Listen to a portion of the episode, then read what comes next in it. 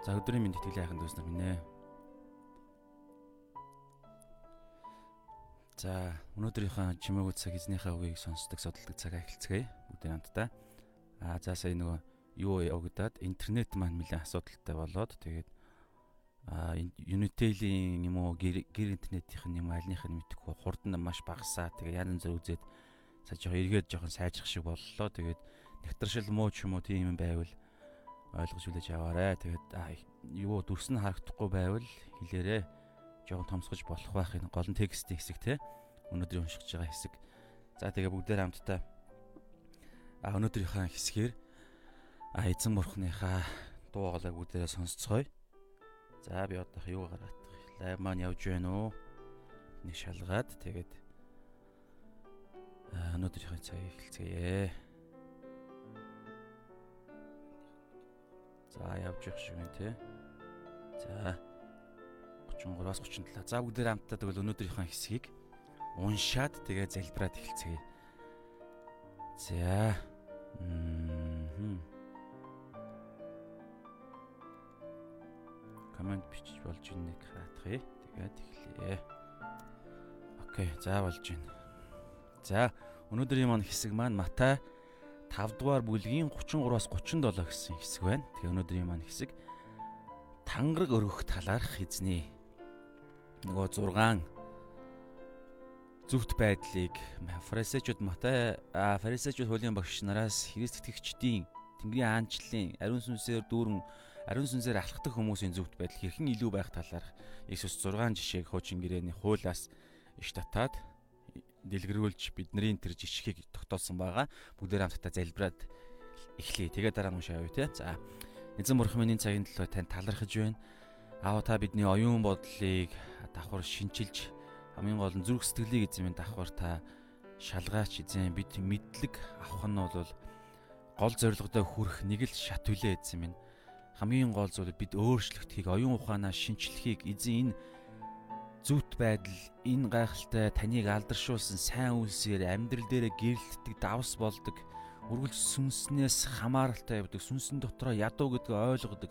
Танаас өөрийн хүчээр биш өөрийн хүчээр амьдрах ямар ч боломжгүй гэдгийг ойлгоно. Эзэн тань дээр найдаж тань танаас байнгын хамааралтай алхах энэ гайхалтай амралтын амьдралыг эзэн бидэнд өгсөн. Яг энийг амьдрал дээрээ үйлсээрээ эзэн зөвхт байдлаараа оюун ухаанаараа хүслүүдээ эзэн маш гүнзгий төвшөнд эзэн минь бид өөрчлөгдөхийг хүсэж байна.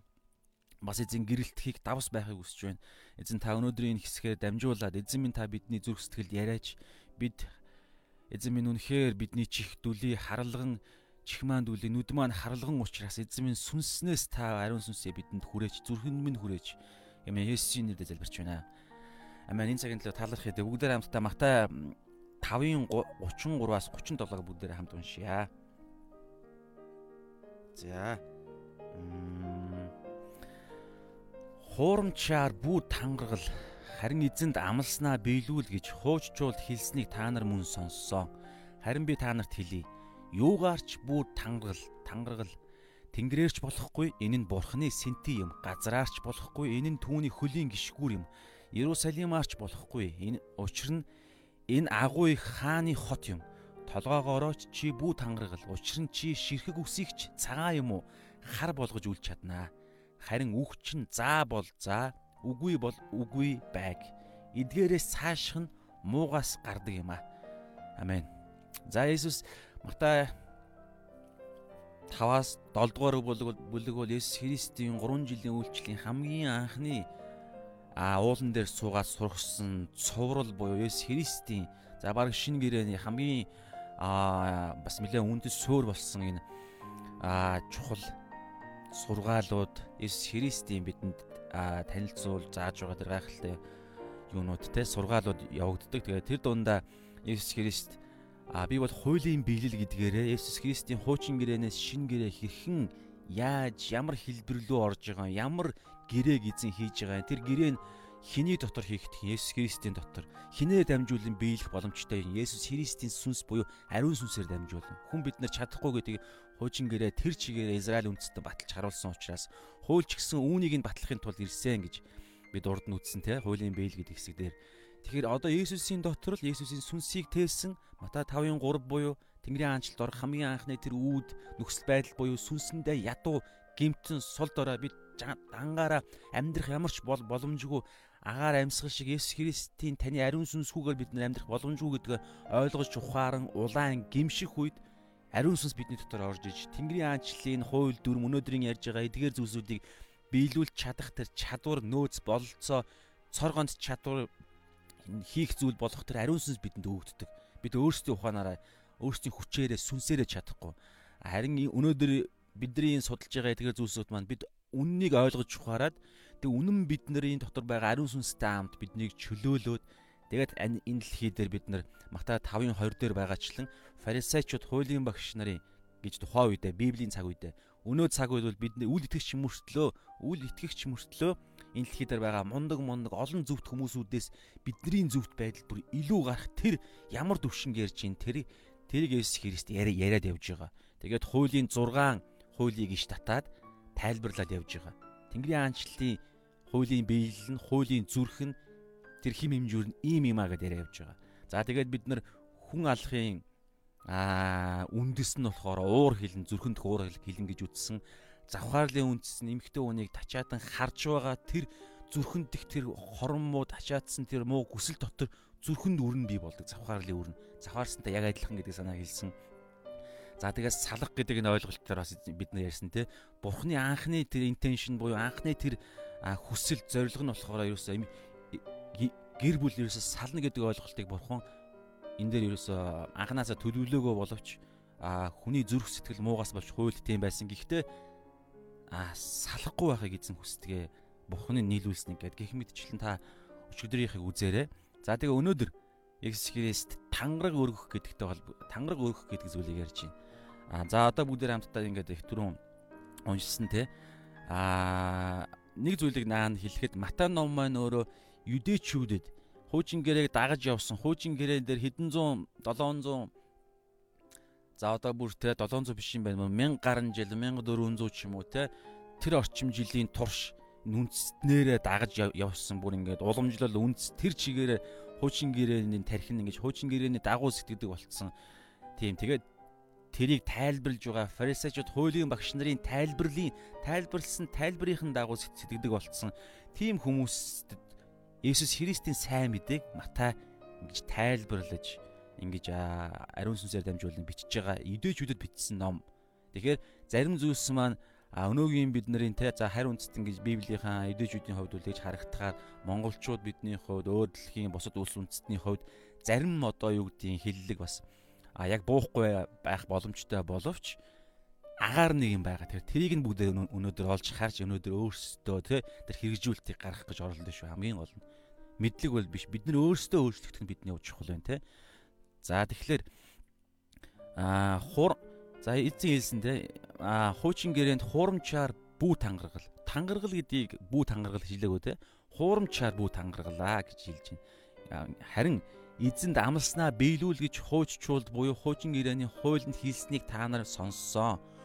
Гэдэг мөн сонссон буюу өмнөх ингээд юмны үргэлжил явж чинь 6-гийн өнөөдөр нь байна. Дөрөвдөх нь байх шиг байна те.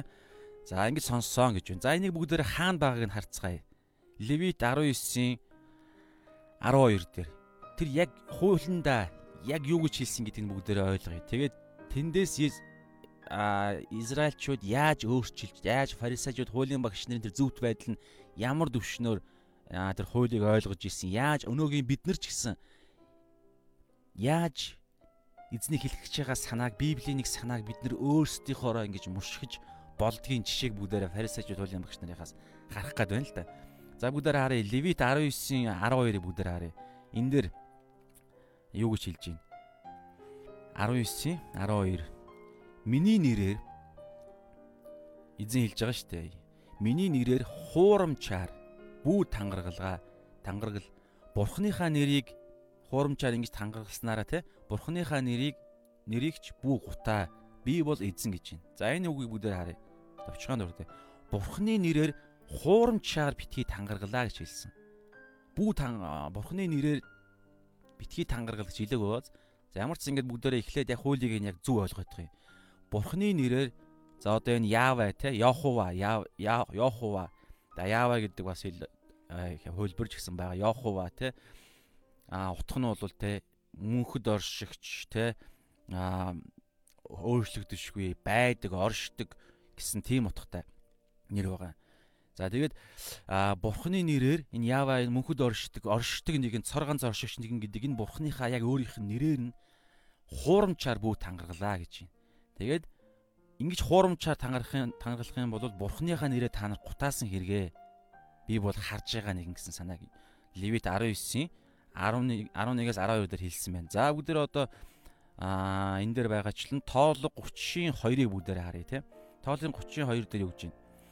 Хэрв ир хүн за хин нэг нэг хэрв ир хүн сэтгэлээ үүрэгт хүлхээр үүрэгт хүлхээр эзэнд нөгөө эзнийх нь нэр эзэнд ам өчөг өгч тангараг өргөсөн бол тэр өөрийн үгийг зөрчих ёсгүй. Тэр амнаасаа гаргасан бүхний дагуу үйлдэх ёстой гэж хэлж байна те. Тэгэхээр аа энэ дээр ардаа хэлж штэ. Хэрүү хин нэг хэрүү ир хүн үүрэгт хүлэхээр эзэнд ам өчөг өгч ам өчөг өгөхөд л асуудалгүй байна. Харин ам өчөг өгчөөд тангараг өргөсөн бол тэр өөрийн үгийг зөрчих ёсгүй. Зөрчих юм бол түрүүний хэлдгээр эзнээ гутаах гад байна. Аа болохгүй гэсэн санаа. Тэгээ гамнаасаа гаргасан тэр ам өчөг өгж явахдаа хэлсэн үг болгоно болгоно заавал үлдэх ёстой. За одоо бүгдээрээ энийг харъя. Дэд хул 23 21 харъя. Аа чи эзэн бурхандаа андгаа өгсөн бол төлхөө бүү удаашруул заавал төлөх ёстой те. Эзэн бурхан чинь үүнийг амна чамаас заавал шаардах болно энэ нь чамд нүгэл болно гэж хэрэг зөрчүүл. За тэгэхээр эндээс бүгдээр юу харж байна? Хуучин гэрээнд болохоор хуучин хуульд ерөнхийдөө амлах тараа талаар тангараг өргөх талаар өөрийнхөө одоо үннээ илэрхийлэх хэлэх амлалт өгөх талаар юу гэж хэлж ийнэ гэхээр бурхны бурхныхаа нэрээр та нарт хангалж болно. Гэхдээ бурхны нэрээр тангалж байгаа юм чинь та нар бурхандаа хандаж тангараг өргөж ам өчөг өгж байгаа өрөнд орж байгаа гэсэн санаа. Тэгм учраас бурхан чинь Яхва эзэн буюу те амьд оршигч, цор ганц оршигч байдаг нэгэн учраас таанаас заавал өрнөхнэ. Тэгээ хэлсэн үг болгоныхаа дагуу та нар өгөх ёстой. Өгөхгүй бол тэр чинь үр нүгэл болно гэж түрүүн тооллого дээр дид хууль дээр байсан тий. За тэгэхээр ийм ойлголт нь хэлэгдсэн. За одоо гítэл хуулийн багш нар фарисеучуд бидний муухай зүрхэнд ч гэсэн та нар анзааравал тийм нэг юм Бурхны хэлсэн Библийн хэлж байгаа ишлэл санааг яг хэлж байгаа санааг нь хэлж ойлгохгүйгээр үгийг нь бодоод яг эдийн цэцэрлэгт могоогоор дамжуулан хилдэг шиг. Могоогоор дамжуулан эмхтэр рүү эхэлж те хэлсэн үгийн давтангаа асуултыг мушгаад тэнгуут нь яава зарим нэг үгийг дутуу ойлгосноосоо болоод дутуу хариулдаг те. Тэндээс могоо тэрэн дээр нь ажиллаад ингээд гим нүгэл дунгаадаг тийм арга зайлтай нэгэн. Есүс ч гэсэн цөлд бид нар урд хэд хоногийн өмнө үзсэнчлэн цөлдтэй ингээд 40 өдрийн тулаан сүнслэг тулаан мацаг барилтын дараа дуусгахын ирмэг дээр нь яг хэцүү байх үед нь тэр мах бодийн дороо үед нь эренгүүтлээ бас үгийг барьж тэр яг үндсэн нөхцөл байдал Бурхны анх хэлсэн тэр бодлын хэлхээ буюу тэр том зориг дунд ийм зоригтой хэлж байгаа гэсэн тэр ишлэлийг аван гутлаа өөр зорилгоор өөрийнхөө эрх ашигын дагуу Есүсийг ч гэсэн унгаах гэж оролцсон. Бурхны үгийг бариад аа маш зайлтай зайлтай эсгүүдийг барьсан та нар анзаарч байгаа. Харин Есүс тэр ишлэлийг зүгээр тэр ишлэлийг дангаар нь харангуутлаа нэрээ тэгж хэлж штэ энэ ишлэл дээр яалч хөө монгол хэлэнд ийм утга байна. Ингэж л харагдаж штэ гэж ийм дорой байдлаар ийм балчир байдлаар хөнгөн байдлаар судал судалдгүй өөрөө судлаагүй өөрөө бүр маш сайн мэдсэн бурхан байсан. Тэрнээс гадна өөрөө үгийг маш сайн мэддэг хүн байсан. Бурхан байсан гэдэг утгаараа цаад санааг нь бүр мэддэг байсан учраас тэрээр тэр мэхлэлтэнд ороогүй тэр оюун бодлын зүрх сэтгэлийн тэр сэтгэлээр дамжуулан бидний дорой байлаар дамжуулан биднийг унгаах гэж оролддог. Тэр зүйлд унаагүй. Харин өнөөдөр фарисеучуд жишээ нь яаж унсан байна нэгдүгээр. Хоёрдугаар бусдыг яаж унгаж байна. Саяны хэлсэн энэ хурамчаар бүү тангаргал харин эзэнд амлснаа биелүүл гэдэг энэ үгийг яаж мушгиж хэрэгэлдэг байсан юм бэ? Би олж мэдсэн зүйлээ та бүхтэй хаалцъя л да. За тэгээд тухайн үед ингэдэг байсан гинэ. Ер нь бол юдэчүүд чи өөрсдөө аа юу вэ гэхэлэр өөрөө бүр ингэ түрүү хэлсэн. 1700 1400 тэ орчим жилийн түүхтэй. Одоо энэ яг а Яхва бурхандаа итгэдэг энэ цор ганц бурхандаа итгэдэг ийм түүхтэй ард түмэн. Тэгэхээр энэ бүр уламжилт нь шингэсэн юм учраас тэдний амьдралынх нь хим маяг харилцаанд нь үг ярианд нь тэг би өөрийнхөө үннээ хэлэхдээ ч юм уу эсвэл одоо хойлоо ингээл те яаж л ажил хэргийн харилцаанд ордог ч юм уу? Тэгээд аа би нэг үүрэг хүлээхдээ би танд те би энийгээ заавал биелүүлнэ гэдгээ би илэрхийлэхдээ жишээ нь Израильчууд яадаг байсан бэ гэхээр эсвэл миний хэлж байгаа яг үнэн гэдгээ би та нарт танд хэлэхдээ тэд нар тангараг өргөдөг байсан байгаа. Тэр үнэн гэдгээ батлахын тулд нэг зүйлээр ингэж нөгөө хүндээ ингэж тайвшруулж нөгөө хүндээ баталж хилдэг. Тийм маягаар ингэж харилцаанд хэрэгэлдэг юм байна л да. Америкчууд бас та нар анзаарах юм бол Америкчууд ч гэсэн бас хэрэг сэтгэлтэй үндэстэн бас учраас тэд нар бас тэдний харилцаанд ч гэсэн хар ярианд ийм хиллэг байдаг. Харин монголчуудын хувьд миний санаж байгаагаар бол мэдэрж байгаагаар бол арай хор байгаад байгаа. Гэхдээ өнөөдөр бүгдээ төгсгөлд нь аа яг биднэрт хамаатай тэр зүйлийг олж мэдэх мэдэн шүү. За тэгэхээр Израильчууд тухайн үед яадаг байсан бэ гэхээр цай тэгдэг байсан. Тэд нар а одоо энэ ард Йох Мосегийн энэ хуульд хэлсэн энэ үгийг авахта шууд утгаар нь аваад үгэн дээр нь тоглолт хийж тэд нар өөрсдөө ашигтайгаар аа ашигтайгаар тэгж хэрэгэлдэг байсан байгаа. Жишээ нь тэд нар ингэдэг байсан гинэ. Аа одоо яг үннээ хэлж байгаа тохиолдолд яг Йохувагийн нэрээр Бурхан эзнийхээ нэрээр гээд хэлдэг. А тэгж хэлсэн тохиолдолд тэд нар үнэхээр тэр нэрнээс айдаг. Ягаад тэгэхээр хуулиндаа тэгж байгаа. Тэгээд Бурхан өөрөө амьд гэдгээ тэд нар ч үндснээрээ мэдж байгаа. Ёс уламжилт нь байгаа учраас заавал биелүүлэхээс өөр аргагүй гэдгээ мэддэг. Тийм учраас а тэр үедээ магадгүй эзнийхээ нэрийг дууддаг байх. Гэхдээ хүн юм чинь бас алдах магадaltaй шүү дээ. Тийм ч учраас бити алдаараа та нар заавал биелүүлээрэ нүгэл болно шүүгээд хэлжсэн гэсэн үг. Харин миний хэлэх гээд байгаа нэг олж мэдсэн зүйл юу гэхээр тэд нар бас энэ хуулийг ингэж мушгидаг байсан гинэ. Юу гэхээр яг ингээ үгийг харангуутлаа хуурамчаар бүү тангарал гэж энэ тэгээ харин а түрүүн би уншсан штэ энэ дээр левит дээр миний нэрээр хуурамчаар бүү тангарал бурхныхаа нэрийг нэрийг миний нэрээр бурхныхаа нэрийг гэж байгаа зү. Йохова нэрийг бүү утаа Тэнгүүтээ бурхныхаа нэрээр хуурамчаар бүгд тангарал гэдэг энэ үгийг та мушгих гээд оролдтоо. Яг ингээ бодохоор тэд нар иймэрхүү маягаар мушгиж амьдралдаа Израильчууд арт иргэд өөртөө хэрэгэлдэг гэсэн гинэ. Миний нэрээр одоо та ингээд бодтоо ингэж сэтгэнэгээ төсөөлдөө. Миний нэрээр аа миний нэрээр Йохвагийн нэрээр хуурамчаар бүгд тангарал гэж байна. Тэнгүүд энэ дээр яаж мушгиж бид нар өөрсдөө ашигтайгаар хэрэгж болохоор байна. Йохвагийн нэрээр л биш бол өөр зүйлсээр хуурамчаар тангаргалж болно гэснийг тиймэрхүү гаргалгаа гаргадаг байсан гинэ тэд нар. Ойлгож байна та тий?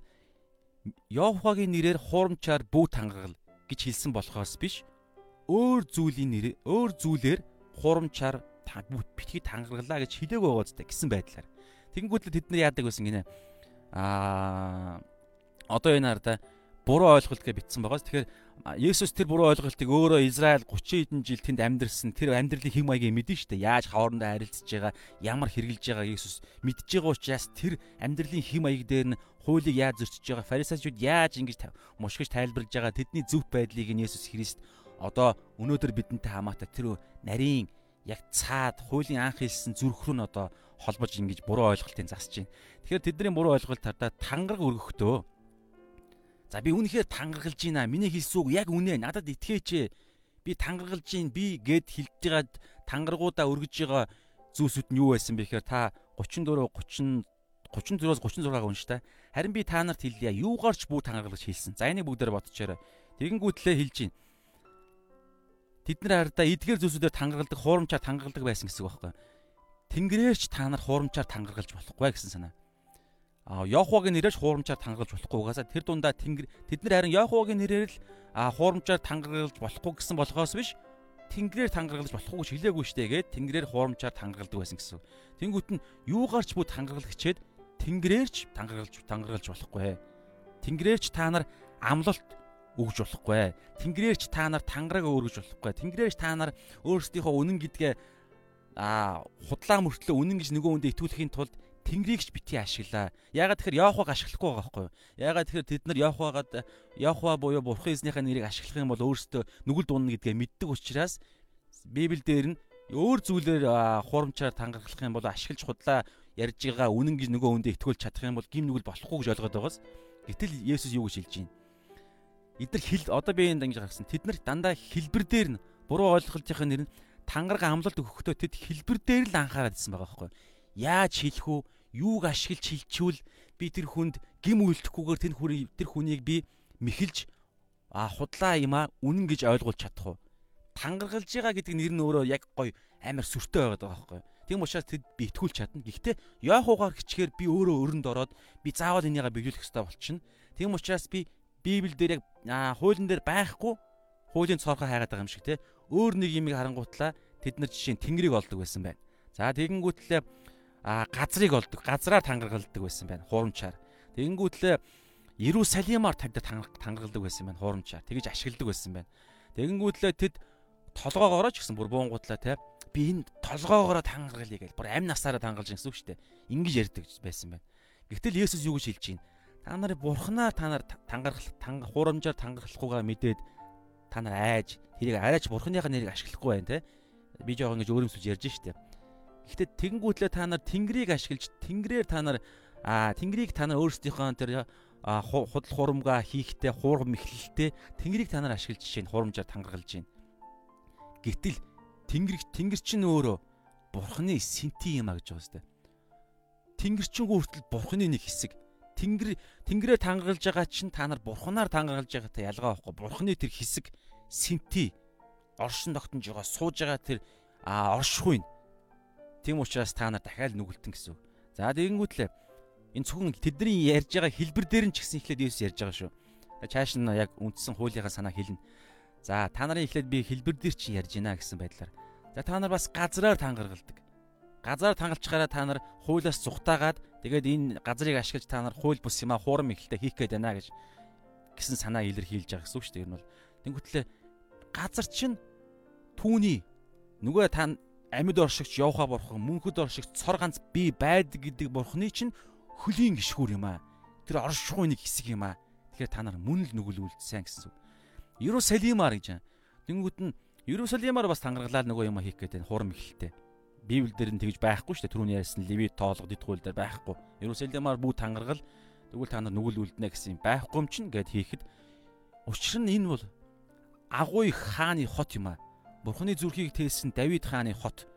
Тэдний имиж хүндэлдэг, шүтэн биширдэг одоо биднийхээр бол Чингис те Чингис хааны а хот юм ач гэдэг юм. Гэтэ бидний энэ ойлголтоос илүү тэд нар чинь асар гүнзгий ойлголт ярьж байгаа шүү. Давидын дотор а мөнхийн месиа ирж ирнэ гэсэн амлалт байгаа. Давид асар чухал. Тэгээ Давидын үр удмаас а бурхны тэгээд тослогдсон бүтэл тэд нарыг хамгаалах, аврах, аврагчин төрнө гэсэн. Тэгэхээр тэр нэр бол бас асар өндөр байхгүй.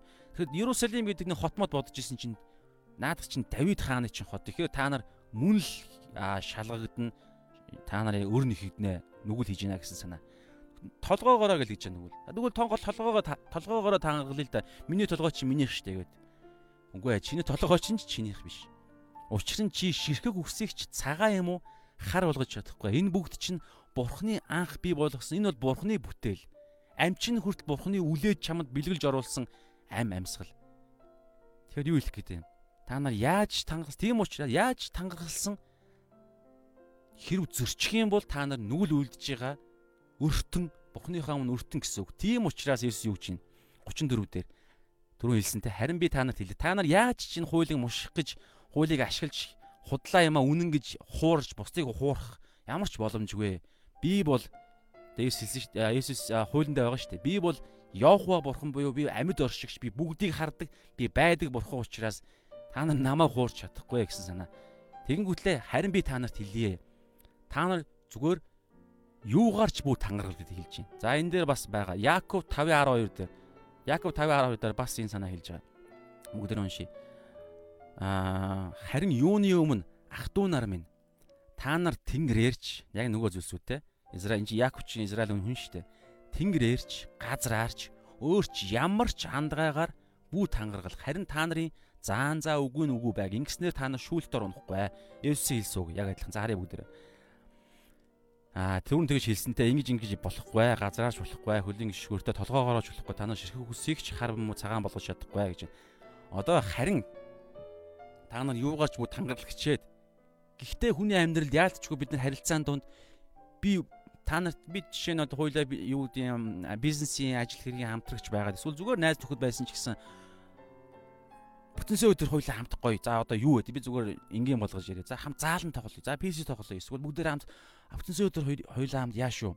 А тийм үйлчлэл хийш шүү ч юм уу те. Эсвэл пастор за ахын дүүс нар минь бүгдөө хамтдаа бүтэнсэн өдөр яа тгий ингээ цуглаанаа цэвэрлэе гээл тэгэнгүүтэл а хүмүүс байна уу гэдэг юм уу нэггүй та чадах уу гэж тэгэхэд те чаднаа гэдэг юм уу эсвэл одоо чинь болохоор зөвхөн тийм юун дээр эсвэл та а нэг чи тэр өдөр тэгсэн биш үү гээл те одоо юу гэдэг ихнэр нөхрийн хооронд ч юм байна гэнэ Үгүй үгүй би яг тэр үед ажил дээрээ байсан. Би өөр газар байгаагүй гээл тэгнэ. Тэ? Тэнгүүт нь тэр хүн тэгвэл одоо юу гэдэг те худлаа яриад байгаа гэдэг. Дүүнээ үнэн би бүр тангаргалъя гээл те ингээл баахан түрүүний ярьж байгаагаар ингээл ингээл тэнгүүт нөгөө хүн итгэх юм шиг ярьж байгаа байхгүй. Гэтэл Иесус юу ярьж байгаа нөхөр хамгийн гол нь Иесус юу ярьж байгаа нөхөр үнэн гэр гэсэн санаа. Та нарын амнаас гарч байгаа. Одоо тэгээд бас юун дээр амлалт өгөхдөө би үнэхээр тэгэх болно. Энийг би хийх болно. Би яг тэр газараа байх болно. Би энийг яг маргааш ихэд хийчих болно гэдэг тэр үгч нь харин тэр үгч нь хэлж ин те за бол за гэж байгааз энд юу гэсэн үг гэхээр түрүү Яаков дээр ч гэсэн байсан те та нарын үйлдэл чинь тухайн зүйлийг хийх гэж байгаа тэр ам өчиг өгөөд байгаа эсвэл хариулж байгаа зүйл чинь за буюу үнэхээр чадхаар юм бол чадхаар бол зүгээр л заал гэж хэл. Хэрвээ чадахгүй бол тэргүй яг үннээрээ Аа үгүй ээ чадахгүй л гэж хэл. Ийм л юм ярьж байгаа байхгүй Есүс. Хуульч гэсэн яг энийг л хэлсэн. Левит юун дээр. Одоо та хараа л та. Миний нэрээр миний нэрээр хуурамчаар бүү тангаргал. Бурхныхаа нэрийг ч бүү гутаа гэсэн те. Тангарахгүй зүгээр л та үннээр л бай гэсэн санаа. За одоо түрүүн гол нь энэ дээр. Аа дэд хол 23 21 21 дээр. Чи эзэн бурхандаа андгаа өгсөн бол бүү удаашрал одоо эзэн бурхан нарыгаа холбож яриад байна л да. Гол нь тэгэнгүүтлээ эзэн бурхан чинь үүнээс үүнийг чамаас заавал шаард бөгөөд чамд нүгэл болноо. За энэ дээр хоолой дээр байна те. Хэрв ир хүн гээ те а сэтгэлээ үүрэгт гэж байгаа зү үүрэгт. Энэ ерөнхийдөө андагааны чинь гол юм яваад байгаа байхгүй бид нар нэг үүрэгт орохдоо би тэгнэ заавал тэгнэ тангаргалж гин гэдэг юм уу те иймэрхүү санаагаар. Гэтэ Монгол бид нар энийг яг яаж хэрэглэдэг гэдгээ бүгдээрээ дараа нь хэрэгжүүлэлтэн дээр жоох ярилцъя те. Тэгэнгүүтлээ ам өчиг өгөхдөө тангараг өргөсөн бол тэр өөрийн үгийг зөрчих ёсгүй. Тэнгүүтээ тангараг өргөсөн бол гэж юм. Тэгээд амнаасаа гарсан бүхнийхээ дагуу үйлдэх ёстой. Хэрвээ амнаасаа гарч байгаа зүйл чинь чадахгүй байгаад үгүй байх юм бол яг л үгүйгээ хэлэх гэсэн санаа байхгүй. Есүс хэлж байгаа зүйл бол.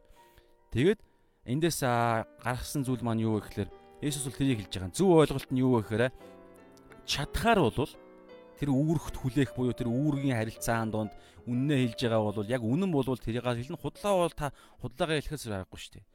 Үннээрээ байгаа л тэгэл гарах хэрэгтэй юм гарна те. Тэгээ яг би тэр үүрэг хүлээж байгаа тэр харилцаан донд үүргийн харилцаан донд чадхаар бол би үнэхээр таны хэлж байгаа санааг зөвшөөрж байгаа бол тэгээд дараагаар нь тэрний хадаагаа би үйлдэх маань үнэн болвол би заал гэж хэлнэ.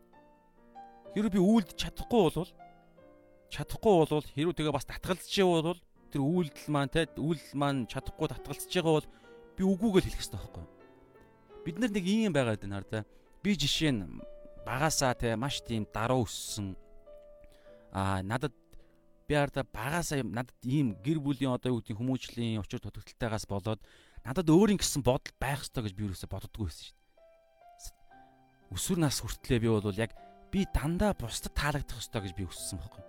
Тэгээ ийний үр дүнд яасан бэ гэхээр би юусоо асар тийм аюултай байдлаар явж байгаа юм. Тэгээд ингээд тэгсэн мөртлөө хүн чинь сүнс болгон чинь хүн болгон чинь өөрийн гэсэн тийм эрх ашиг тэ өөрийн гэсэн хүсэл мөрөөдөл тэ надад таалагддаг таалагддаггүй зүйлсүүд байгаа шүү дээ ялгаа.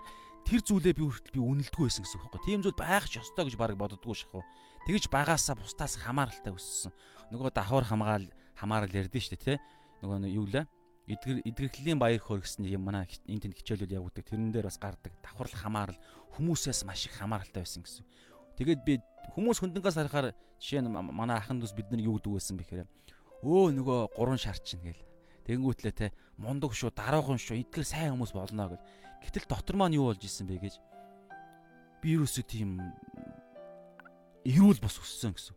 Тэгээд нас маань ингэж явжтай өсвөр нас өсвөр нас нас нь өнгөрч тэгээд ингээ нас хүрэх нас би гүйцэх тусам яаж вэ гэхээр миний дотор чинь өөрийн гэсэн хувь хүн өөрийн гэсэн үзэл бодол дамаа ингээд итгээ цуглаанд яваад тэгэхээр энэ чинь ингээд бурхан ингээд энийг чинь бий болгож ингээд мэдрүүлж аа дүр төрхөнд нь гаргаж ирнэ штэ. Тэр үед яасан бэ гэхээр тэрийг би илэрхийлэхтэй нөгөө багаасаа багаасаа би бий болох хэвээр ном журмаараа жам ёсоороо бий болох хэвээр юмараа болоогүй учраас тэрийг илэрхийлэхдээ би бусдыг гомдоодог.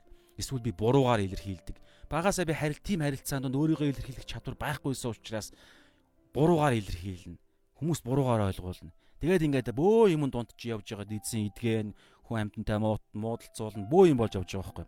Тэгээ би энийг яагаад хэлж ийнэ гэхээр хэрүү би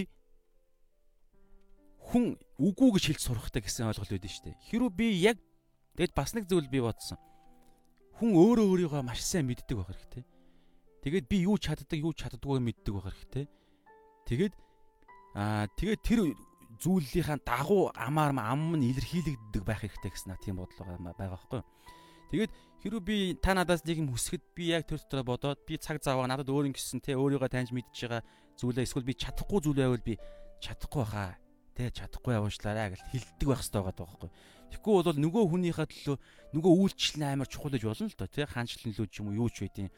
Гэтэл би үнэхээр чадахгүй бол тэрийг шудраг хэлэх хэрэгтэй байхгүй. Хэрэв би заа гээл одоо юу гэдгийг хэлэхээс айгаал хин тэр хүн маань намаа юу гэж бодчих болж байгаа юу гэж боддог бодчих бол гээл би заагаж хилчингүүтлээ дараагаар яг амьдрал дээр тэрний гадаагаа ингэж явах гэж байгаад үнэхээр чадахгүй болоод ирэхээр би нэг бол цухтаа нэг бол би ингээл за одоо мессеж бичдэг юм уу яа тийм Тэнгүүч нөгөө хүн чинь хогсож байгаа байхгүй.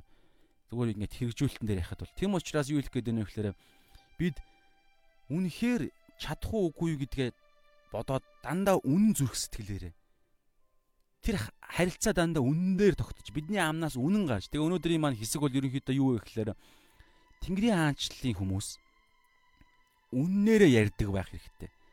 Тэ? Тийм санаа юу хамгийн гол нь. Итгэгчд хүмүүс, Христ итгэгчд хүмүүс, ариун сүнсийг тээж байгаа хүмүүс дандаа үнэн гэрдэг байх хэрэгтэй гэсэн санаа. Гэхдээ бид нар чадахгүй чадахгүй гэсэн тийм хүн ер нь ингэх амар боломжгүй шүү дээ. Тэгээ надад бас нэг зүйл бодогдсон. Энд дээр бас нэлээд нарийн нэг зүйл байгаа. Дөрөв би хэлсэнтэй үннийг хилдэг байх хэрэгтэй. Үннийг хилдэг байх хэрэгтэй. Шудраг байх хэрэгтэй. Үнэхээр чадахгүй найз. Эсвэл аа би яг энэ тал дээр над чаддгүй маа. Би яг үнэхээр чадахгүй байгаа. Би балламааргүй та нарыг те. Тэгэхээр одоо юу гэдэг тааж гэдэг юм уу миний найз ч юм өөр хүн олж байгаа. Яа тий нөгөө үнт энэ ямар хөвгөн гар вэ? Уг нь би дээр чам тусалсан шүү дээ гэвэл харин тийм ээ тэр тусмаа ингээд найз нь үнэхээр шударгаад хэлж идэв шүү тийм үү? Яа тийм. Ингэж үнэн үг үнэн нойлох хэрэгтэй байгаа байхгүй. Тэгээд биелүүлэх хамгийн гол Нэс Христийн хэлж байгаа санаа бол хараа тан тэр хуулийн дээр байгаа зүйл бол те тангаргал зөв тангаргал. Эсвэл бол буруу тангаргал тангаргалж болохгүй. Эсвэл яаж хэлэх мэлэх тэр хэлбэр дээр биш. Та нар тангаргалж байгаа тэгнэ гэж амлалт амлалт өгж байгаа бол зүгээр л түүнийгээ биелүүл гэсэн санаа. Биелүүлж чадахгүй бол зүгээр л үгүй гэж хэлж сур гэсэн. Ийм үнэн байдлыг яриад байгаа байхгүй. Одоо юу гэж нэхэр Тэнгэрийн хаанчлалын ард иргэдийн хаанчлалын тэр зүвт байдлын хэмжүүрийг хуулийн багш нар фарисеучудаас илүү давуу зүвт байдлын хэмжүүр чинь хүний үг яриан дээр гаргаж ижээс ярьж штэ. Бид нар үг яриагаа ярихдаа үннээрээ ярих тэр зүйл. Тэгээд хардаа үг маань үнэн байх хэрэгтэй. Тэгснээрээ үн цэнтэй болно. Тэгээ үн цэнтэй үг гэдг нь илэрхийлэгдээд одоо энэ жишээ нь инх тайвнаас гарч байгаа үг нь дандаа үнэн байдгийг хүмүүс мэдээд ирэхээр миний үг үн цэнтэй болж эхэлнэ.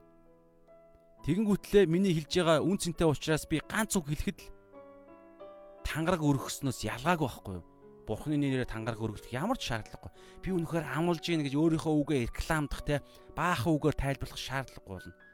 Би бол шууд заа гэж хэлэхэд бол найдвартай гэж хүн шууд мэднэ. Тангараг өргөж байгаадаа яг адилхан. Тийм болохын тулд юу болох вэ гэхээр бид нар үннээрээ ярьдаг байх хэрэгтэй. Шудраг байх хэрэгтэй. Тэгээд тэрийг хэлсэн бол заавал биелүүлдэг байх хэрэгтэй. Магадгүй би яг биелүүлнэ гэж бодоод үннээрээ байгаад шудраг байгаад за би яг итгэж ийн биелүүлнэ гэж бодоод заагаа хэлчлээ гэж бодъё л доо. Гэтэл амьдралаа гинт гинтийн гинтийн нөхцөл байдлууд гардаг шүү дээ. Тэр үед тэрнийхээ төлөө би үг маань үн цэнтэй байхын тулд үг маань үнэн байж үг маань миний брэнд те миний аа намайг тодорхойлдог миний үнц нь байхын тулд би тухайн үедээ жоохон ч гэсэн золиос гаргаад чамаагүй тэр зүйлээ биелүүлээ л да. Чадахгүй байсан ч өвчтэй байсан ч очоод тэр байх ёстой газараа хэлсэн амлалтандаа хүрээд зогсоё л да. Тэгэхээр та юр бусын гайхалтай та өөрийнхөө үнцнийг бий болгоолаа гэсэн үг шүү. Тэгээд би одоо нэг зүйлийг бас хэлэх гээд байна л да. Энэ зүйл маань итгэж ахын итгэлийн ахын дүүс нарын маань дунд нэг зүйл байна. За итгэж биш хүмүүс ер нь хүндрэлтний дунд бүр байгаа байх гэж найд байгаа байх угаас эн чинь бид нэр дандаа юм энийг юм чинь юм а унж яваа бохирдсан ерөөсөө итгэл гэдэг юм байхгүй болцсон. Тэгэхээр итгэгч нарын маань дунд бас байгаад байна. Энийг би ингэж ер нь мэдэрсээ л ирсэн. Таа ч гэсэн мэдэрж байгаа угаас энэ факт болцсон. Тэр нь юу вэ гэхээр За та зүгээр ингээд боддоо Христэд итгэгчд гэдэг нэр өгдөг те. Итгэгчд. Заримдаа надад ийм зүйл мэдэрдэг байхгүй. итгэгчд гэдэг мөртлөө үл итгэгчд юм шиг надад мэдрэгддэг. Яагаад? Би одоо жишээ нь хардаа одоо жишээ нь би би тгээгүй. Би тийм хандлагаар яриаггүй. Эсвэл би тийм бишээ. Надад би тгээгүй штэ гэж хэлэхэд хүмүүс тэрэнд итгэдэггүй жишээ. Эсвэл би ингээд ямар нэг юм ингээд агуулгатай одоо жишээ нь би нэг санаанд хүрэх гээд одоо юу гэдэг ингээд нэг 20 үг ашиглаад ингээд ярьж илаа шууд л доо. Тэгэл тэгэл тэгэл ярьж идэлтэй миний хэлж байгаа санааг тэр яг тэр хэлж байгаа үгийг одоо энэ яриад байгаа үгийн үнц нь яг тэр хэлж байгаа үгийг сонсохоос илүүгээр хэн ярьж байна? Энэ хүн юу нь юу үлээ гээл те? Өмс зүснийг хараал те? Энэ хүн пастор юм болов энэ хүн юу нь юу хийж бүтээсэн юм бол гээл те? Ямар нэгэн пост тавилаа гэж бодоход энэ юу нь хэр алдартай хүн блэ хэр мундаг хүн блэ те? Энэ юу нь юу хийдэг хүн блэ энгийн нэг итгэж байх юм бол хичнээн тэр үг нь үнцэнтэй библийн дагуу гайхалтай үг байл байсан ч гэсэн яг ач холбогдол өгөхгүй. Хүн тийм сонирн болцсон. Үг. Тэр хүний амнаас гарч байгаа тэр үгний үнц нь асар тийм одоо ер нь итгэгч гэхгүй. Ер нь хүн төрөлхтний хувьд асар өөр болоод байгаа байхгүй. Тийм учраас хийс итгэгчд бид яах ёстой вэхээр үгэндээ үнц нь өгөх юм тулд миний амнаас гарч байгаа үг маань дандаа үнэн байх дээр л би өөрөөсөө л анхаарна гэсэн цаг барьдаг бол те би тедэн цагт очноогүй бол тедэн цагт та яг зогсдог байхыг бид нар өөрсдөөсөө л эхлэх хэрэгтэй бол сараад байгаа шүү те. Тэгээд одоо ингээл тэ түрүүн ярьж байгаа нь аа харамсалтай байгаа юм л да. Одоо ингээл би нэг санааг ингээл ярьж байгаа байхгүй юу? Яриад ингээл тэгтэл тэр дундаас нь жишээ нь ингэж нөгөө хүн сонсохдоо нөгөө хүний хэлж байгаа үгний тэр үндсэн санааг нь авахаас илүүгээр яаж ийнө гэхээр дунд нь яригдж байгаа нэг юм зарим нэг өөг баг шүүгөө сонсож байгаа юм шиг. Нэг хэсгийг авангуутлаа тэгээд тэрийг тэрүүгээр барьж ингэж аа нөгөө хүн рүүгээ яа тий харилцт юм уу шүүд юм яа тий. Би юу хэлэх гээд нөхөр одоо би бүр яг үгэн дээр анхаарат байгаа байхгүй. Бид нар бие биенийхээ ярихдаа хэн байх нь хамаагүй дээр төвлөрмөр байна ахын гэсэн. Зөв миний л уриалах шүү. Хэн ярих нь хамаагүй. Магадгүй тэр хүн урд нь худлаа ярьсан байлаа шүү тий. Тэнгүүд дөрөвний хилдгээр уг нь тэр хамгийн гоё бест хөвлбөр буюу тэр хүн өөрөө үгээрээ үг нь үн цэнтэй гэдгээ батлаад тэгээд инх тайвнаас ч юм уу батаад орж байгаас гарч байгаа үг нь яг үн цэнтэй гэдэг тэр мэдээлэл тэр хүнд ингээд бий болчлоо шүү дээ. Тийм учраас тэр хүнээс гарч байгаа үг нь үнэн гэдгийг би ингээд тэр хүнийг хараад би үгэнд нь итгэдэг нэг ийм юм юмний төлөө бид явж байгаа л да. Гэхдээ энэ зүйл чинь нэг юмнаас эхлэх хэрэгтэй байгаа даа байхгүй. Тэгээ миний хэлж байгаа уриалга санаа бол юу вэ гэхээр бид нар хардаа энэ үгийг нь үн цэнт хүн нь үгээ үнцэнтэй болгоод ингээд тийм юм явж чадахгүй байгаа бол бид нар бие биендээ итгэж сурыг л да. Тэр хүний үг нь бурхан бол тэгж итгэдэг гэж бодож байна бид нар. Эхэлж итгэдэг. Тэгээд чадахгүй бол дахиад итгэдэг. Бид нар ийм бид нар хоорондоо итгэгчд гэдэг энэ нэрийг бид нар ингэж бас тэр цаана байгаа итгэлийг ингэж ажилуулъя л да. Одоо би тань таныг ерөөсог таньдгүй мөртлөө та нэг үг ярихад Эсвэл би таныг урд нь худлаа ярьдаг байсан ч гэсэн та нэг үг ярихад эсвэл бол те ингээ таны нэг юм та ямар хүн байх нь хамаагүй нэг санаа ярихад би таны хэлж байгаа үгэнд чинь би яг фокус өгөөд үгийг чинь би ойлгоод тэр хэлж байгаа үг чинь библийн дагуу ч юм уу миний ари дотор байгаа ариун сүнстэй ингэж ойлголцож надад нийцчихвэл би тэр үгэнд нь үнц нөгөөд би таныг үгээр чинь таныг би үнэлдэг баймаар шүү дээ. Тэгэж тэгээ тэрийг танд би ойлгууллаа гэж бодъё. Тэнгүүтэл нөгөө хүн чинь биний ярьж байгаа үг чинь бас тэ ийм аа хүчтэй байсан юм уу? Би бол зүгээр л хүчгүй ингээл тэ ингээл тийм учраас ингээл яаж тэр хүний хуурах уу гэдэгтээ төвлөрж идэл энэ хүн энэ ганц үгийг ингэж үнцэнтэй болгож авч байгаа юм. Тэгэхэр чин би чин бас гээл ийм магадгүй үр таригдж болно шүү дээ. Тэгээ миний хэлэх гээд байгаа санаа бол та ойлгож байгаа хэсгийг сайн мэдэхгүй байна. Ер нь бол яг тухайн энэ одоо өнөөдрийн маань хийж байгаа хэсгийн Есүс Христийн өнөөдрийн бидний хэлж байгаа бичээсийн гол зүйл бол ерөөхдөө энэ юу вэ гэхлээр бидний заавал ерөөсөө яг бид нар хийж чадхаар бол бид нар заал гэж хэлнэ. Хилдэг байцгаая гэдгийг Есүс Христ хэлж байгаа. Хууль дээр ч гэсэн. Хэрвээ би чадахгүй бол зүгээр үгүй ээ би чадахгүй л гэж хэлдэг бай. Үннээрээ бай. А тэгэнгүүтээ заа гэж хэрв хэлсэн бол тэрнийхээ төлөө золиос гаргаад чамаагүй заавал биелүүлэхийн төлөө явдаг бай. Эн чинь өөрөө Христ итгэгчдийн үн цэнийг өндөр тавина. Тэгээ Христ итгэгчд хэлснийхаа дагуу яг үлддэг гэдэг юм нийгэмд бий болвол ямар гой гэрэл тавсуулах вэ? Христ итгэгчид 8 цагт маргааш өглөө байна гэж хэлдэг бол Христ итгэгчид яриад ш. Яг зогсдог гэдгийг нийгэм сонсвол ажил олгогч нар сонсдог болчвол ингэж үнэлдэг бол ямар гоё вэ? Хэн алдарших вэ? Христэд итгэгчид буюу Христ нь алдарших гэдэг байгаа сте. Энийг ерөнхийдөө Библи өнөөдөр ярьж байгаа. Харин миний зүгээр хувийн гаргаад байгаа бас те энэ дотор мэдрэгдээд байгаа зүйл маань юу вэ гэхлээрэ бид нар тухайн тэр үг нь үн цэнтэй гэдгийг заавал батлагдахыг хүлээхгүйгээр заа гэж хэлж яваа шууд итгэдэг бай бүгдээрээ тэхүү. Тэр хүн заа гэсэн бол шууд заад нь итгэе. Биелүүлэхгүй байлаа гэж бодъё. Тэнгүүт нь би чамд үгэнд итгэсэн чи яг заа гэж хэлсэн те гэх юм. Дахиад би чиний үгэнд итгэж байгаа шүү те. Дараа нь би чамаа заа гэх юм бол би байдлахын л итгэн шүү. Чиний үг чинь асар чухал байна ч гэдэг юм уу. Та ингээ бас дагалдуулж саргуул сургаж гэрчилж болно шүү дээ. Гэх мэтчлэн зүгээр би нэг та анзаарж байгаа бол нэг тиймэрхүү зүйл яриад байгаа юм шиг. Би бинийхээ тэгээд хамгийн гол нь ярьж байгаа нь харилцаан донд ингээ бид нар ярилцахдаа тухайн хүнийхээ аа ерөнхий хэлэх гэж байгаа тэр санааг нь авдаг байя ойлгодог байд. Тэндээс нь тастаж аваад тэгээд яг гаж урсгалынхын библийн ишлэлийг тастаж аваад өөрийнхөө эрх ашигын төлөө нөгөө а цаана сатан ажиллаж байгаа шүү дээ. Бид нар өөрсдөө мэдж байгаа хэсгийг мэдэхгүй байна. Магадгүй мэдэхгүй байх гэж бодож байна. Бурхныг нөгөө хэлсэн хүн буюу Библийг бичсэн Бурхныг унгаах гэж Бурхан руу дайрах гэж оролддог шиг бид нар тантай бие чинь харилцахдаа та 10 үгээр А гэдэг санааг илэрхийлэх илэрхийлэх илаа гэж бодоход би 10 үг ярьж яхад дундаас нь би 5-ыг нь сонсчоод 5-ыг би аваад дотроо би Т гэдэг санааг би энэ яг илэрхийлэх чинь би таагаад ингээд чааш нь ухаж бодож итэл үлдсэн 5 үг нь жинхэнэ А гэж гэдэг санааг ойлгуулах үг байх боломжтой байхгүй юу? Библи ерөнхийдөө Библи судалчид ерөнхийдөө бас ингэж явдаг. Зөвхөн нэг ишлэлийг дангаар нь тав тастаж авангуутлаа. Энэ бол өнөөдрийн миний ишлэлээ гэд эндээс ингээл бодоод ингээл оюун бодлоо сонсоол ингээл элдв янзын бодох чинь библи судлалын хамгийн чухал арга. Юус биш байхгүй. Библи судлалын чинь чухал арга. Энэ үгээ та өнөөдөр таны ишлэлийг чинь чимээгүй цагиж хуваад байж болно. Тэнгүүтээ энэ үг чинь хаана яаж үндсэн санаа библи яг бурхан энэ ишлэлээр дамжуулна? Өнөөдөр уншигчд юу илэрхийлсэн бэ гэдгийг ойлгохын тулд зайлшгүй. Байх хэвээр авсан газарт буцаж хийгээд өмнөх хэсэг дараагийн хэсэг тэр сэдв юу ярьж гин гэдэг тэр нэг юм ерөнхий бодлын хөврөл яаж явж байгаад энэ ишлэл хэлэгдчихвэ. Одоо Матай бичээчээр эсвэл Паулаар дамжуулаад гэдэг тэр түрүүний ярьж байгаа тэр 10 үгийг аруулангийн сонсох байхгүй. Дундаас нэг ишлэл буюу ганц 5 үгийн ч юм уу 2 үгийн ч юм уу авангуудаа ингээд бодоод төсөөлөд энэ төсөөлөл дунд чинь хин ярих вэ гэхээр сатан ярина. Сатан ингэж ажилдаг. Ингэж Есүсийг ч гэсэн ингэж хуурах гэж оролдож ишлэлээр нь Есүс рүү хоёрхан үгийг авангуутлаа. Ингэж энэ хоёр үг дээр ингэж хэлсэн байгаа згээд би үгийн үн цэнийг яриад байгаа юм л да.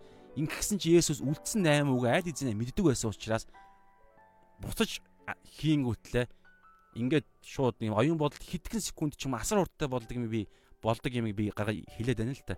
Шууд хэлсэн үгийг ингэж хийгээд 10-аараа хаартал сатаны хэлсэн санаа биш гэдгээ ойлгонгуутлаа. А энэ бол сатанаас ирж байгаа бодол байна гэд бид нар ялгаж чадчихна гэсэн санаа зүгээр. Тэнгүүтлээ хин гэдгийг мэдчихэж байгаа юм чинь одоо шууд атака хийх хэрэгтэй гэд тухайн бодлыг бид нар шууд тухайн сэдв дээр тухайн хэрэгцээн дээр ирэл хайгуул дээр бид нар яг тохирсон библийн ишлэлээ судалж исэн хэсгийч ариун сүн сануулна. Маа гэж тавих байхгүй. Тэнгүүтэл сатан шууд Иесусээс цухтаасан шиг шууд цухтаана. Тухайн би бидний бодол болдог энэ сүнслэг энэ бодлын энэ харилцааг яриад штэ тулаан гэх юм уу. Тэгэл тийм учраас би яаж ингэж энэ тулаан тухайн сэдвүүдээр ялах юм бэ гэхлээр Библи уншихдаа дандаа өмнөх хойдох тэр хам сэдвүүд тухайн багц сэдв дотор Одоо би хамгийн багасглаа гэхэд сэдвэр л чимээгөө цаг хийж байгаа юм. Ишлэлээр би бол хийхгүй. Хийсэн ч гэсэн дахиад сэдв рүү орно. Ингэхгүй бол бид нар яг би тухайн хэсгээ зөв ойлгож чадахгүй гэсэн. Яагаад вэ гэхээр та Библийн сургууль сурдаг гэсэн бол мэдж байгаа. Израильчууд чинь биднээс бүр Библи чинь хамгийн сүүл бичигдсэн Иохан ном чинь манай эртний манай эртний 1-р зуун буюу 90 оны үед бичигдсэн шүү дээ. Тэндээс чи хойш чинь 2 а 1900 жил өнгөрчөөд байна. 1900 жилийн турш асар олон юм бид нар ойлгохгүй аслагдмал байгаа. Тэгэнгүүтлээ Израиль үндэстний чинь соёл нь монголчуудаас шаал ондоо. Тэгэхээр бид нар яг тухайн энэ соёлд хэлэгдсэн утгыг нь ойлгохын тулд бид нар яадчгүй тэр анхны нөхцөл байдалд нь тавьж иж ойлгох юм судлах юм хэрэгтэй байгаа байхгүй. А тэгвэл зарим юмсууд шууд хэлэгдэж байгаа л да. Тэгээ би яагаад энэ рүү ингээ жоохон хадаад хадуураад ярьчихж байгаа вэ гэхээр яг ингэ Библи судалдаг шиг Библи бид нарыг хэрэг ингэ судалдаг хүн болвол миний бодлоор харилцаан дээр ч гэсэн бид нар алдаа гарахгүй гэж итгээд байгаа байхгүй. Библийг бид нар яг зөв аргаар судалдаг хүн бол тухайн бид нар хин нэгэнтэй их нэртэй нөхөртэй найз нөхдөйгээ харилцахдаа сонсож сурна гэсэн үг. Сонсож яг Библийг судлах судалтайгаа судалдагтайгаа адилхан сонсно. Энэ яг юу хэлэх гээд ингээд дунд нь ганц нэг ярина алдаа гаргана ганц нэг юм буруу үг хэлнэ. Бид нар өнгөрөө монголчууд бинэ штэ. Буруу яар зөв ойлголдог үг нь бид нар чадвар нь байгаа хөөхгүй юу? Жохон тоглож ярихад те. Тэгээд юу хэлэх гээд ингэж ойлгож ойлгож байгаад тэгээд дуусж байгаа цаг үед дээр нь би ингэж хэлж байгааг би ойлгож чадах дамаа ариун сүнстэй хүмүүс бол тэгхгүйгээр дунд нэг үгийг авангуутлаа дуусах нь хүлээж байгаа. Тэрийг ингээ барих гал ингээ нөгөө өнрөө чинь ингээ дайрах гал. Дуусан гутал аа хинэ чи сая ингээ түрүү ингэж хэллээ штэ гээл. Ингээл тэгэл тэн дээр барин гутаа ингээл яриад эхлүүл нөгөө хүн чинь бүр юу би тий хэлсэн ба баг тэр хэлсэн үгөөч санахгүй. Ягаад тэгэхээр тэр хүний явж байгаа чиглэл нь гол хэлэх гээд байгаа санаа нэг юм байгаад байгаа байхгүй. Тэр нь юу өсө нөгөө хүн чинь сонсоогүй гэсэн үг дээ бид нар харилцаж чадахгүй тэгээд тэр нэг дунд байгаа ганц үг чинь зүгээр л тийшээ явж байгаа нэг жижигхэн шат ч юм уу юу ч юм дээ нэг хамаагүй байхгүй тэгэхээр бидний зорилго бие биентэйгээ харилцахдаа үннээр харилцаад юу хэлэх гээд байна эн чинь бас библи судал бид нар зүү явдаг бол харилцаан дээр ч зүү. Зүү харилцдаг бол яг та харилцааныхаа практик арга чинь библи судал дээр ч гэсэн байгаа. Тийм. Тэгэхээр энийг бас хэлхийг хүслээ сая ариун сүнс сануулсан гэж би итгэж байна. Тэгэхээр гол хэлэх гээд байгаа санаа бол бид нар үг чинь үн цэнтэй байхын тулд бид нар үгийг яг үгээр нь ойлгодог байх. Тэрэнд итгэдэг байх. Итгэхийн тулд зөв ойлгох хэрэгтэй болно гэсэн. Харилцаанд ч гэсэн энэ гарч ирээд байна ахын туснаа. Тэгэхээр Христэд итгэгчд гэж байгаа бол Христ чинь өөрөө үг нь мах бод болж оож ирсэн бидний дунд ирсэн ингээ Иохан 1-р бүлэг дээр байгаа Христ чи өөрөө үг байхгүй. Тэгэхээр бид үгэнд итгэгчд гэдэг баг үг бидний тодорхойл болчиход байна шүү дээ. Гэтэл бид нар үгэндээ итгэхгүй, Библиэд итгэхгүй яах вэ? Одоо бид нар ингээл заримдаа харилцаж байхад би анзаардаг итгэлийн ахын дүүс нартайгаа харилцаж байхад амар харамсалтай. Асуудал дундаа яваад байгаагаа өөрсдийгөө маш сайн дүгнж мэддэг. Асуудал дундаа би яг ингээд байна. Магадгүй өөрийгөө ч гэсэн яг алдаагаа олоод харцсан байгаа байхгүй. Онцлогтой магад маш сайн. Ягаад тэгэхээр тийм шүүхттэй өөрийгөө шүүх дарах марах тиймүүд нь чадвар нь байгаад нь шүү дээ. Гэтэл бурхан гарах гарцын чиглүүлгийг нь өгцөн гимшлэгдэж чинь ингээд буруугаа ойлгочлоо тий эргээд зүү замаа бас харж чаддаг зүү замаа ол эзэн харцсан тэгээд эргээд буруугаас эргээд зүү замаараа явж байгаа тэр юм үйлдэл واخхой метаноя гэдэг энэ гимшил гэдэг чинь мэдрэмж биш энэ үйлдэлийн еврейк грек үгэн гинэ. Үйл үгдээ үйлдэл илэрхийлдэг үйл хөдлөл заадаг мэдрэмжтэй харах гэдэг үйл үг биш. Тэгээ одоо юу гэдэг хайрлах гомдох гэдэг мэдрэмж биш. Үсрэх унах гэдэг юм үйл заасан үг гинэ гимшиг гэдэг чинь. Ингэ иргэдэг. Тэгээ зүв зүйлээ бид нар харж ижил гимшилч яг бүрэн болох гэдэг байхгүй та. Тэгэхээр бид нар мэдэн штэ юудаас искариот юудаас бол гимшлийн зөвхөн талын хийсэн учраас л зүв зүйлээ буюу Петр шиг Петр ч сайлхан гимнэг л үйлдсэн. Тэгээд бас Саул хаан ч гэсэн гимшсэн. Давид ч гэсэн гимшсэн хуйлаа. Гэхдээ Давид бүрэн гимшлийг хийж чадсан буюу Бурхны нэгүсэл дээр төвлөрч чадсан би үнэхээр чадахгүй байна Мата 5-ын 3-д адилхан би сүнсэндээ үнэхээр ядуу юм байна гэдгийг ойлгосон. Магадгүй саавуулж ойлгосон баг. Гэхдээ саавал яасан бэхээр зөв замаа олж гарч чадаагүй буюу Бурхны нэгүсэд итгээгүй байхгүй. Магадгүй мэдчихсэн байх. Тэгэхээр өнөөдөр бид юу хэлэх гээд байна гэхээр Христэд итгэгчд буюу бид нар чинь а түрүүн би хэлжсэн те итгэлийн ахын дүүс нар маань ингээд өөрийгөө хараад байна гимших юм а улайхаа буруугаа олж харж чадчихээн. Гэхдээ Христийн дотор ариун сүнсээр дамжуулан биднэрт юу өгснгийг олж мэдээд байгаа байхгүй библийн ишлээ санаад байгаа. Тэгээ би жишээ нь ингээд юу гэдэг харилцаан дундаа та ингээд хэлээл яг энэ дэр чинь эзэн ингэж амлсан шүү дээ. Чамайг ийм байр суурин дээр ингээд тавьсан гэж хэлэхэд тэн дээр юус итгэж байгаа хариу реакц тийш тэн дээрээ те ингээд бодоол те ингээд нэг юм гэрэл гэрэлтэж байгаа тэр нь итгэж байгаа тэндээс юм чөлөөлт явж байгаа царай юусаа байхгүй. Харин тийм л дээ. Гэхдээ бас хэцүү байна яг амьдрал дээр ингээд бид нар итгэгчд шүү дээ. Тэгээд үгэн дээр тэгээд тэр амлалт тэр гоё ихчлээ ариун сүнс тэр бүх зүйл чинь зүгээр ийм философи санаа юм уу хийсвэр. Юунд итгээд байгаа юм бид нар? Би яг бодтой гим үйлдснээ хараад бодтой харж чадж байгаа мөртлөө гимшлийн дараагийн тэр гоё юмыг харж чадахгүй тэр нь итгэхгүй байгаа байхгүй. Тэгэхээр Христэд буюу үгэнд итгэгчид Христ ч өөрөө би би бол үг гэдэг байгаа шүү дээ. Намайг эдсэн хүн те миний би бол үг мах бод маань үг а тэр үлсэхгүйгээ те би бол үгээ гэсэн санаа Христ үг нь мах бод болж бидэнд оршин. Тэгэхээр Есүс Христийн бид хэлсэн Библийнхаа үгэндээ итгэж ижил өнөөдөр бид нар хамаг тэр хүсээд байгаа тэр гоё юм чинь бий болох гээд байтал үгийг хэлсээр байтал үгээ өөрөө ч гэсэн ойлгосон мэдсэн бүр. Тэгээ тэрэнд итгэхгүй байгаа даа байхгүй итгэх. Тэгэхээр би энэ яг жоохон сунжирж байгаа ч гэсэн хэлж байгаа санаа бол би бид нар үгээ бол яг ингээд үг биднэрт ирээд байна л та. Тэнд итгэх тал дээр ахын нүс нь бид нар асар чухал дараагийн төвшин хүлээгээд байна гэдэг дээр. За тэгээ нэлээд урсчлаа уучлаарай. Тэгэхээр тэгтээ чухал зүйл яригдсан гэж итгэж байна. Энэ цагийн төлөө талархъя.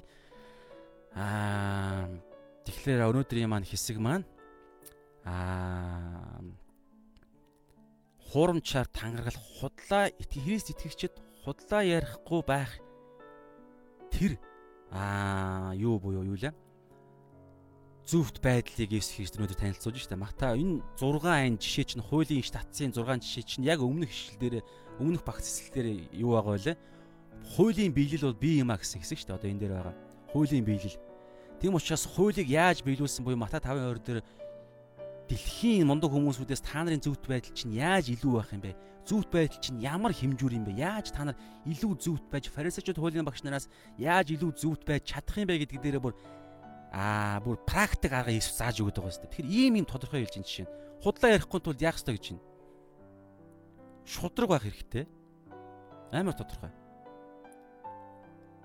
Хэрвээ би тухайн тэр нэг юм худлаа ярих тэр нэг юм ер нь юм илэрхийлэх ингээд өөрийгөө тунхаглах, өөрийгөө илэрхийлэх тэр тохиолдолд би өөрийгөө би мэддэг байх хэрэгтэй. Би яг худлаа болвол үгүй гэж хэлэх хэрэгтэй шүү дээ. Би үнэхээр очиж чадахгүй болвол хийж чадахгүй надад тийм чадвар байхгүй. Би юу өөртөө итгэхгүй байна гэж бол зүгээр үгүйгээ л хэлчих хэлдэг.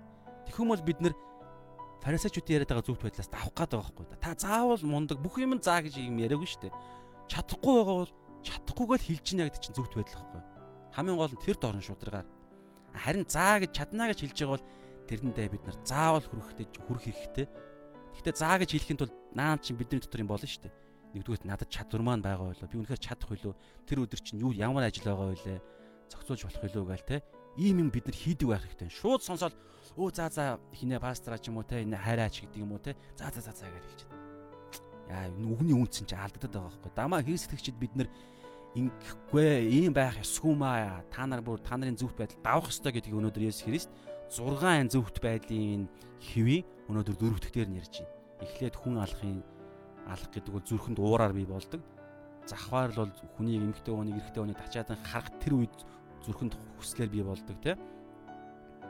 Аа тэгэнгүүтлээ гэр бүл салалт тий. Салалт гэдэг энэ зүйл бол бурхны анхны тэр сэтгэл бол бурхнаар бий болсон тэр гэр бүл салахыг бурхан хүсдэггүй зорилго нь юм биш ээ гэдэг санаа ярьж байгаа тий.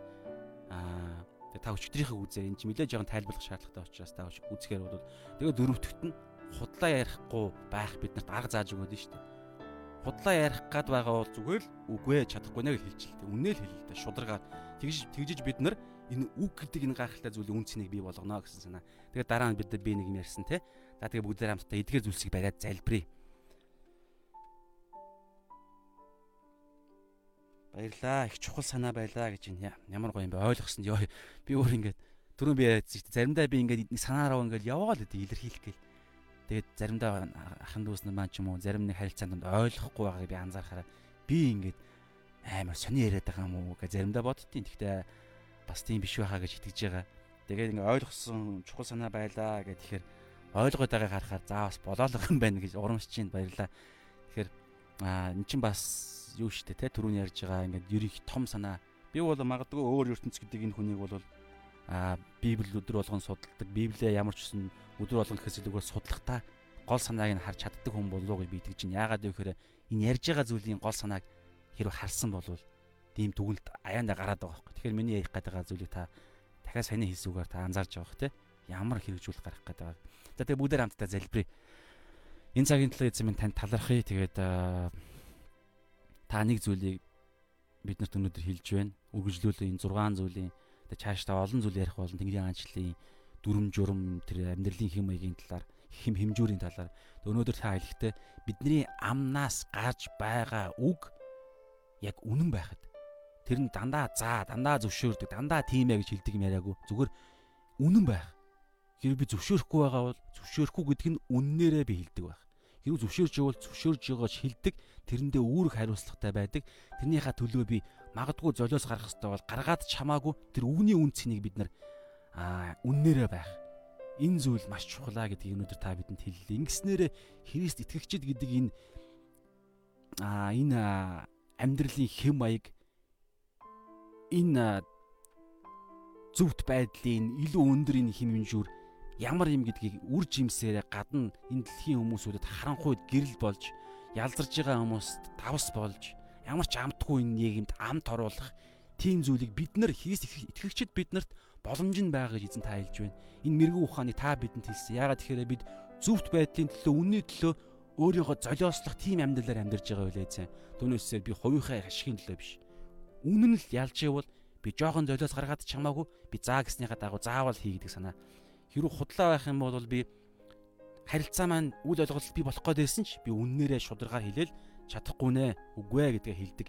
Ийм шудраг байдал ийм үнний тал зогсдог ийм байлыг эзэм та өгөөч. Тэгээд хоёрдугаарт нь би түрүүн бид нар зүрх сэтгэлд орж ирсэнчлэн харилцааг харихтаа бид нар харилцаанд дунд байхдаа сошиал ертөнцид пост уншихтаа ч юм уу комментээр харилцахтаа ч юм уу чатаар харилцахтаа ч юм уу амьдрал дээр харилцахтаа ч юм уу нөхрөл дунд гэр бүл дунд хайр сэтгэлийн харилцаанд дунд үр хүүхдүүдтэйгээ харилцахтаа тухайн хүний хэлэх гээд байгаа санааг нь ойлгож ойлгодог байх тэр чадвар сонсож чаддаг байх зүгээр ойлгож чаддаг байх тэр хүний зүрх рүү нүд рүү нарж байгаа хэлэх гээд байгаа санааг нь мэдэрч чаддаг байх тэр сүнсийг ялгах чадвар альваг ойлгож харах, ялгаж салгах чадвар мэрэгүү ухааны тав бидэнд өгөөж эзэн.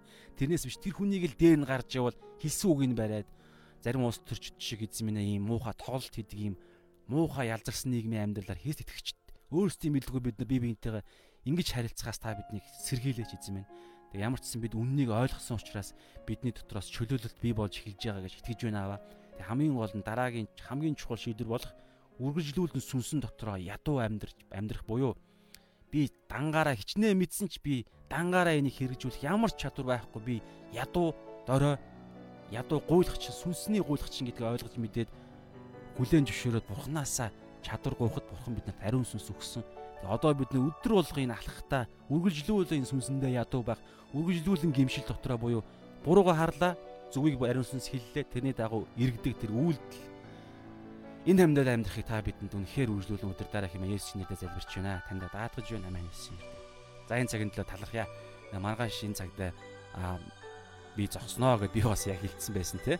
Тэгэхээр энэ дээр комент хэсэг дээр постод дээр ч гэсэн 17 цагаас эхлэнэ эхлэнэ гэж тавьсан байна. Тэгэхээр энийхээ төлөө би үнэхээр хичээж зогсох болно. А цаг нь наан цаан жоох юм аалтч орж ирэх магадлал байгаа шүү. Яагаад вэ гэхээр энэ цаг маань сошиал ертөнцийн ялгаа байгаа. Тэгээд дандаа ихэвчлэн дараа нь үздэг хүмүүс байгаа та өнөөдөр үзээгүй цаг маань магадгүй ямар нэгэн те миний амьдралын хэм маягаас болоод харилцаатай өөр хүмүүстэй өөр хариуцлага юм янз янз юмнаас болоод цагийн юм байлаа гэж бодоход таны 17 цагаас та үзэх аль хэзээ дууссан байсан ч гэсэн эндээ байгаад сонсох боломжтой ийм төхөөрөмжөөр ашиглаж байгаа учраас би тэр өдрийнхөө чимээгөө цагийг л хийх нь миний хувьд заа гэдэг үг байгаад байгаа юм шүү тэрийг ойлгоорой. За тэгээд баяртай шалаа. Маргааш уулзцгаая. За өөр комент байхгүй нэ.